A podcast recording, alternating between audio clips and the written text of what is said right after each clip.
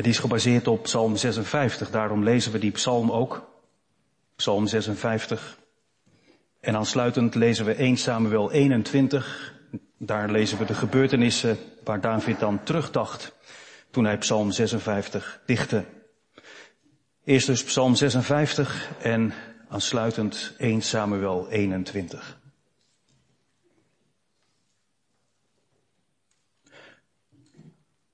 Een gouden kleinoot van David voor de koorleider op duif op verre eiken. Toen de Filistijnen hem gegrepen hadden te gat. Wees mij genadig, o God, want de sterveling wil mij opslokken. De hele dag onderdrukt mij de bestrijder. Mijn belagers willen mij de hele dag opslokken, want ik heb veel bestrijders, o Allerhoogste. Op de dag dat ik vrees, vertrouw ik op u. In God prijs ik zijn woord. Op God vertrouw ik, ik vrees niet. Wat zou een schepsel mij kunnen doen? De hele dag verdraaien ze mijn woorden. Al hun gedachten zijn tegen mij ten kwade. Zij scholen samen, zij verbergen zich. Zij letten op mijn voetstappen, omdat zij loeren op mijn leven. Zouden zij bij zoveel onrecht vrij uitgaan? Stort de volken neer in toren, o God. U hebt mijn omzwervingen geteld.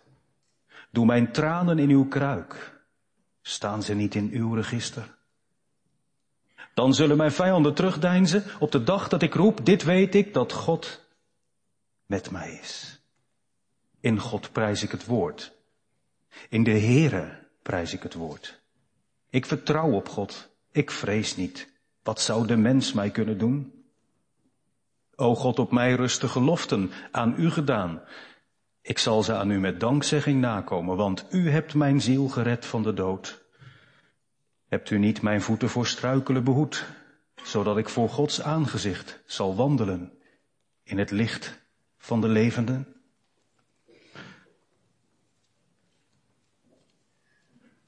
Tot zover het lied. Dan nu de praktijk. Wat David meemaakte en wat ervoor zorgde dat hij deze psalm, psalm 56, dichtte. 1 Samuel 21.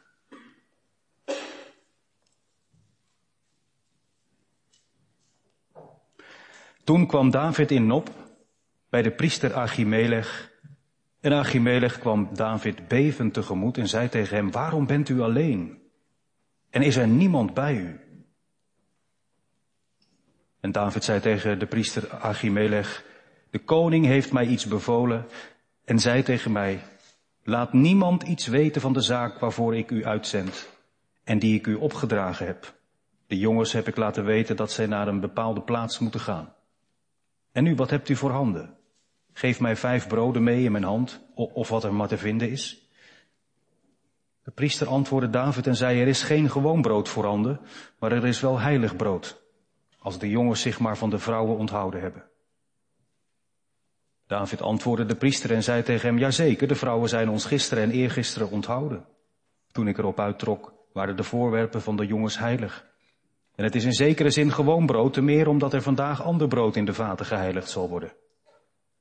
Toen gaf de priester hem dat heilige brood, omdat er geen ander brood was dan de toonbroden, die van voor het aangezicht van de Heere weggenomen waren om er vers brood neer te leggen op de dag dat het oude weggenomen werd.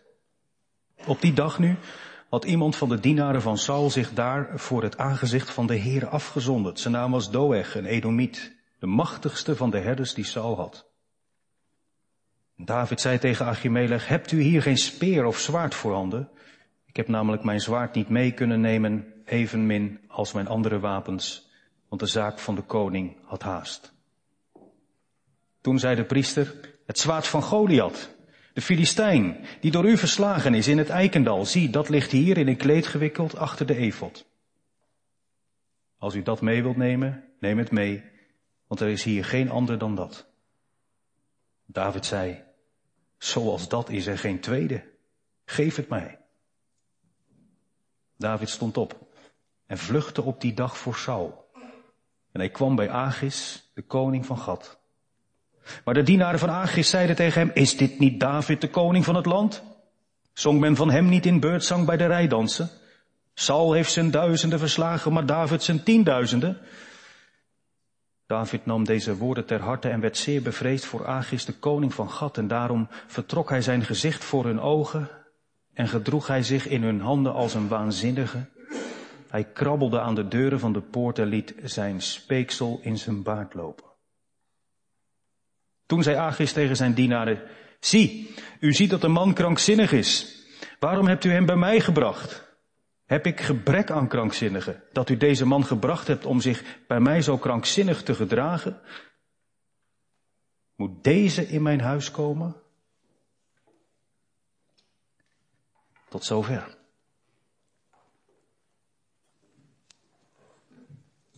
De tekst voor de verkondiging van vanmiddag is Psalm 56, vers 9. U hebt mijn omzwervingen geteld. Doe mijn tranen in uw kruik. Staan zij niet in uw register? Het thema voor de preek is geloven onder druk. Onder druk geloven. Hoe ziet dat eruit? Verrassend en verwarrend tegelijk als je het herkent wat we zojuist in de Bijbel hebben gelezen. Hoe ziet geloven onder druk eruit? Toch, het is dat David het zelf zegt aan het begin van deze psalm, want anders had ik deze gouden kleinoot nooit verbonden aan God. Wel aan God. Het is niet zo moeilijk om Psalm 56 aan God te verbinden als je David met God hoort communiceren. Maar heeft die psalm nou echt ook iets te maken met God, wat daar gebeurde? Kan je zo even bij blijven steken. We hebben er alle begrip voor dat David bang is geweest daar in God. Allereerst aan de ene kant achter hem de dreiging van Saul. En hoewel hij er zelf naartoe is gegaan, kwam hij tot de ontdekking, dat is niet zo slim daar bij Agis in Gat. Want hier moeten ze me ook niet. Hij zit aan alle kanten klem. Dat is wel te begrijpen. Maar toen we zojuist 1 Samuel 21 lazen, het zat zelfs niet tussen de regels door, toch? Dat geloof van David, waar bleek dat dan uit? Het is er wel geweest. Hij heeft ervan gezongen. Later.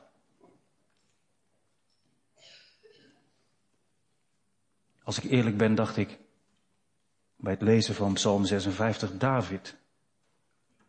Hoe durf je die vermelding te maken naar die hele concrete situatie toen in je leefde? En dan zeggen, de dag als ik vrees, vertrouw ik toch op God. Hij durft het zelfs aan om, om tegen God te zeggen, Heere, u was er toen bij. Ook die zwerftocht daar, richting Gat, bij Agis. Het was erop of eronder. Toen hebt u dat opgeschreven. U hebt het niet alleen gezien, maar u heeft het ook in uw register genoteerd. Daar was u toch ook bij? Ja, dan heeft God gezien wat wij hebben gezien. Ja, wacht even. God kijkt altijd dieper, hè? Mag ik dat aan het begin van de preek als, al, als een bemoediging meegeven? Soms denken mensen misschien wel eens, wat doet ze raar? Is dat nou nog niet over?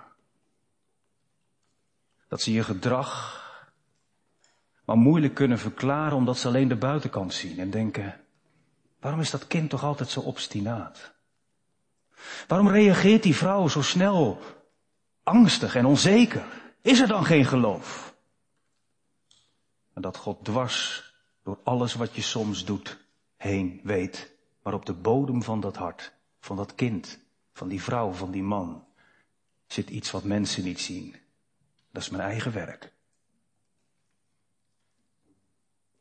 Is dat niet de verklaring waarom dit naast elkaar in de Bijbel kan staan? Zullen we het eens op de voet gaan volgen? Wat er dan precies in 1 Samuel 1 en 20 gebeurd is en vervolgens Psalm 56 daar langs leggen. David had de belofte gekregen, dat rustte op zijn schouders. De kroon zat nog niet op zijn hoofd, maar de belofte rustte op zijn schouders en droeg die mee in zijn hart. Jij bent het. Ja, David, jouw vader had gedacht, nee, deze, deze jongen die op de schapen past, die zal God niet kiezen als koning. Maar Samuel had al gezegd, God ziet niet aan wat voor ogen is, maar God ziet het hart aan. David heeft die belofte gekregen, maar voordat hij dan uiteindelijk het koningschap ontvangt, moet hij eerst nog heel wat conflicten met Saul uitvechten. En Saul was niet de eerste de beste. En hij liet zich zomaar niet van zijn troon afhalen. En hij werd jaloers. De mensen die zongen het, Saul, ja, grote man in het koninkrijk van Israël. Duizenden heeft hij verslagen, maar David, tienduizend. En dat conflict tussen Saul en David wordt zo heftig dat David er vandoor gaat. Ja, maar David, God had toch beloofd? Ja. Ken je die moment ook in je leven? Beleidenis gedaan. Getrouwd geweest. Ja gezegd. En dan wordt het ineens zo donker. En dan lijken Gods beloften hun vervulling te missen. En om dan vol te houden. Moeten we niet allemaal ook naast David gaan zitten en zeggen, ja heren, als wij zeggen, u hebt al onze omzwervingen geteld, hoeveel streken heeft dat al niet opgeleverd, die misschien helemaal niet zo goed waren en handig. Dat we zelf probeerden iets te doen, maar ook dat we ons als een klein kind in een hoekje gedrukt voelden en dachten, heren, waar bent u nu? En je gaat op de vlucht. En je ziet dat David, eerlijk is eerlijk, als je 1 Samuel 21 leest, echt het spoor bijster is. Hij doet maar wat. Een heel mooi verhaal over die broden en zo. En dan, dan gaat hij met zijn geloof naar de Filistijnen. Letterlijk. Zo bang is hij dat hij liever richting Agis gaat dan terug.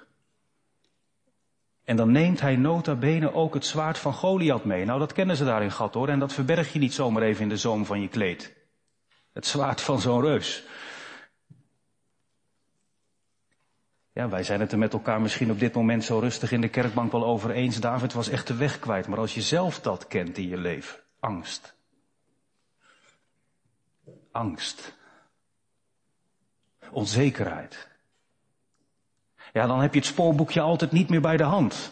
En al heb je je Bijbel op je nachtkastje. En al heb je ooit een keer ja gezegd tegen God en heeft God gezegd, ik zal jou niet begeven, nog verlaten. Dan kunnen er toch momenten zijn dat je denkt, heren, ik weet het niet meer, in paniek. En je doet dingen die je niet had moeten doen. Je vertrouwde op de verkeerde mensen. Je zocht het op plaatsen waar je de vrede niet vond. En toch. Hoewel wij hier een angstige man zien, helemaal de weg kwijt. Wij zouden zeggen, een kat in het nauw maakt rare sprongen, maar David is wel een kind van God. En hoe, hoe slim het ook lijkt, hè, dat hij zich dan vervolgens gaat aanstellen. Hij houdt zijn verstand er dan op het laatst wel zo bij dat hij denkt, ik doe dit, ik laat het zever in mijn baard lopen. Uit buiten Bijbelse bronnen weten we dat verschillende familieleden van Agis waarschijnlijk ook aan krankzinnigheid leden. En dat irriteert Agis. En het lijkt mooi af te lopen. Wat kon David dat trots zeggen dan later? Ik heb me toch iets slims bedacht. Ik deed dit en dat. En toen dachten ze, oh, maar die moeten we niet. En zo ben ik de dans ontsprongen. Radeloos zocht hij spitsvondig zijn heul met de vijand. En door angst gedreven zoekt hij zijn heil in de leugen. Dat is de David van Psalm 56. En toch. En toch. Het staat naast elkaar in de Bijbel. Het is niet zo vreemd hè, dat David al gauw begint met het woordje genade in Psalm 56. Wees mij genadig, o God. En daar geeft hij een reden voor, want de sterveling wil mij opslokken, de hele dag onderdrukt mij de bestrijden. Je hoort in hoe hij zijn hart uitstort bij God dat het zeker niet vanzelf is gegaan. En hij heeft het in deze psalm over vrees, maar toch ook over geloof. Hij legt zijn hart voor God neer. Dan ga ik naast hem zitten en dan kijk ik mee in wat hij opgeschreven heeft. David, wat is dat bij jou aangevochten geweest? En het was door al die zonden en al die tekorten van jou heen, heeft God het toegelaten dat ook deze psalm in de Bijbel kan staan, ook voor zoveel mensen die na jou leven en die het soms ook niet bij elkaar krijgen. Dat je jezelf soms hoort zingen in de kerk. Of je denkt, wat zouden mijn kinderen nu denken? En toch weet je het. Ik zing dit niet voor niets. U hebt mijn omzwervingen geteld. Doe mijn tranen in uw kruik. Staan ze niet in uw register, zowel die omzwervingen als elke traan? Ik heb het wel eens vaker gezegd, hè? soms schamen wij ons om naar God te gaan omdat we denken dit klopte niet en dat was niet genoeg en dat ging verkeerd. Daar hoef je je niet voor te schamen als je in alle oprechtheid het bij God brengt. Schaam je liever als je bij hem wegblijft. Hier zie je het gebeuren. David zegt het, Heere, u hebt het allemaal geteld en dan niet als een boekhouder. En weer een streepje. En weer een foutje. En weer een zonde. En weer een misstap. En weer een zwerftocht. Nee, God noteert dat, zo komt dat in deze psalm naar voren, als een betrokken Heere. Degene die heeft gezegd, David, ook voor jou geldt, ik zal er zijn. Dat maakt bidden, dat maakt zingen, dat maakt geloven eerlijk, zeker. Maar dat is ook de kracht van het geloof, toch? Dat je het mag zeggen, Heere, u bent er overal bij geweest. En u hebt gezien hoe ik geworsteld heb met uw belofte die u gaf in mijn leven, maar toch, ik houd u eraan. Er komt een dag dat mijn vijanden zullen terugdeinzen. En nou leven wij natuurlijk niet in zo'n situatie, mag ik hopen, als David, dat je eigen broer, je naar, dat, je, dat je familie of eh, bekenden je naar het leven staan. Maar zo is toch in de kerk van alle eeuwen de psalmen vaak gelezen. Dat die vijanden die daar genoemd worden ook symbool staan voor al die tegenkrachten die gelovigen kennen. Als ik dan vanmiddag zo rondkijk, en dat doet de Heer ook, hè. Wat zijn er dan niet een vijanden die zomaar de kop kunnen opsteken? Als je terugdenkt aan die zwerftocht die je tot nu toe maakte in je leven. Vanaf het moment dat je ouders ja zeiden bij je doop, of je zelf ja zei toen je gedoopt werd. Momenten dat je ja zei in een trouwdienst. wat is er van terecht gekomen? Waar was u, heren? Ja, daar.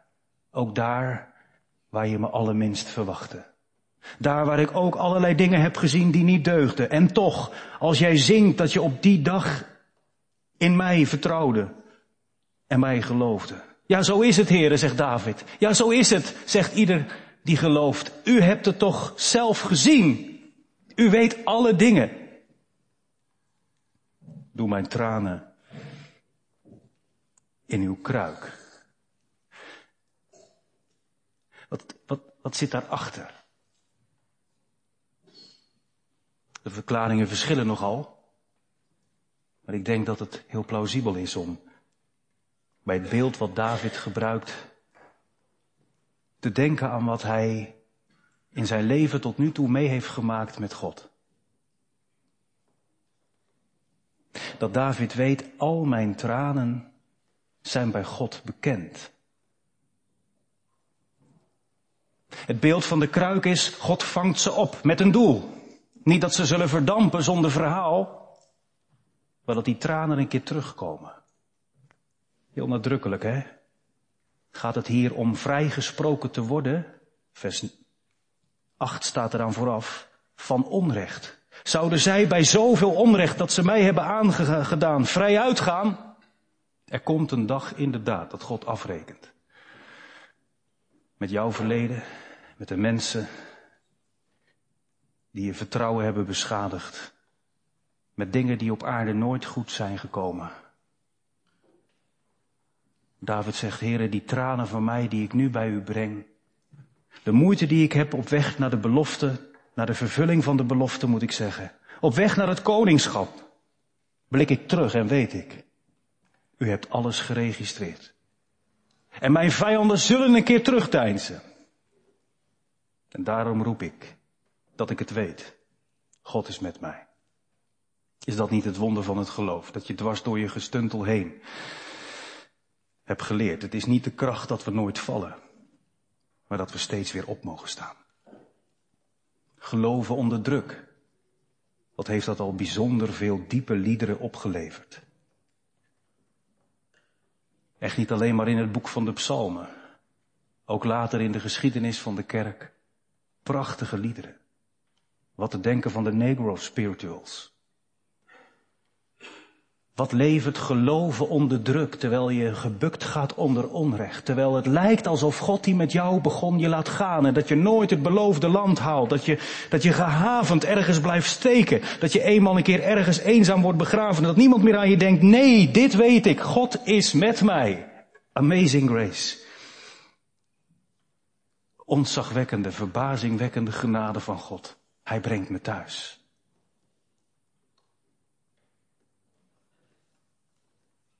Is dat ook niet wat we vanmorgen hoorden toen er werd gesproken over dat boek van God? Waarin ieder botje van mijn lichaam al beschreven was. Is dat niet de vaderlijke goedheid van God dat niet één van mijn hoofdharen op de aarde valt zonder dat hij het weet? Hoeveel te meer dan mijn tranen? We zeggen het misschien wel eens iets te snel tegen elkaar. Ik ook hoor. Niet huilen. Echte jongens huilen niet. Oh nee. David is er niet te trots en te stoel voor om te erkennen dat hij gehuild heeft. Dat hij veel tranen heeft moeten laten gaan. En nogmaals, dat zit er niet in je oogbuisjes of voor die dingen, traanbuizen kunt ook tranen hebben in je hart zonder dat het uit je ogen komt. Maar dat je hier van David hoort. Ik hoef niet eerst in mijn leven te gaan meten en te kijken van nou mag ik nu een pleidooi doen op dat God erbij was. Want dan denk je alleen maar ik moet goede dingen en, en, en bijzondere momenten kunnen herhalen en laten zien aan God. Maar ook die momenten dat je ernaast zat. Hoeveel onrecht je ook werd aangedaan. Dat die angst en die eigen oplossingen zo'n zwak geloof lieten zien. Die hoeven niet te blokkeren dat je kunt blijven bidden, dat je mag zuchten, dat je mag zingen. Is dat niet wat die hele schare die al in de heerlijkheid bij God is, heeft moeten leren door de verdrukkingen heen. Wij zongen ons er doorheen en wij werden gedragen. En mensen hebben soms hun hoofd geschud en gedacht, wat moet daar nou van terechtkomen? Is dat wel echt? Maar wie bij David kan gaan zitten, zit niet alleen bij de pakken neer. Maar die kijkt omhoog. En die weet, ooit komt daar die dag. Dat de Zoon van God verschijnt. Waar de boeken open gaan. En waar ik de achterkant van het borduurwerk niet langer meer hoef te zien. Maar dat ik de kroon krijg kroon op een leven in geloof door de tranen heen. Een kroon van vrede. Een beloning voor alles wat ik voor de Heer heb mogen terugdoen. Want weet je wat nou heel wonderlijk is? Als je doorleest vanuit 1 Samuel 21. En je denkt, wat moet er nou van zo'n vluchteling terechtkomen? Hoe gaat God David gebruiken? Door hem een lesje te leren. Nee, door David de lessen die hij zelf leerde van God door te geven. Je zou denken naar 1 Samuel 21, als je die laatste punt komt, is dit nou de beloofde koning? Ja. En het wordt meteen in het volgende hoofdstuk zichtbaar. Toen ging David daar vandaan. En hij ontkwam naar de grot van Adullam. Op die weg, van Gad naar Adullam, waar hij Psalm 56 heeft gedicht. Waar hij heeft gezegd, u, u hebt mijn omzwervingen gekend. Wees mij genadig, heren. Echt waar, met al mijn angst, toch, ik vertrouw op u, ik klem mij vast aan uw woord. Toen hij in de grot van Adullam kwam, bleef hij daar niet alleen. Dan komen daar zijn broers en het hele huis van zijn vader, hoorden dit en zij kwamen daar bij hem. Dan denken, nou dat is mooi, zit die man er ook niet alleen. Fijn als je wat familie bij je hebt. Het gaat nog verder.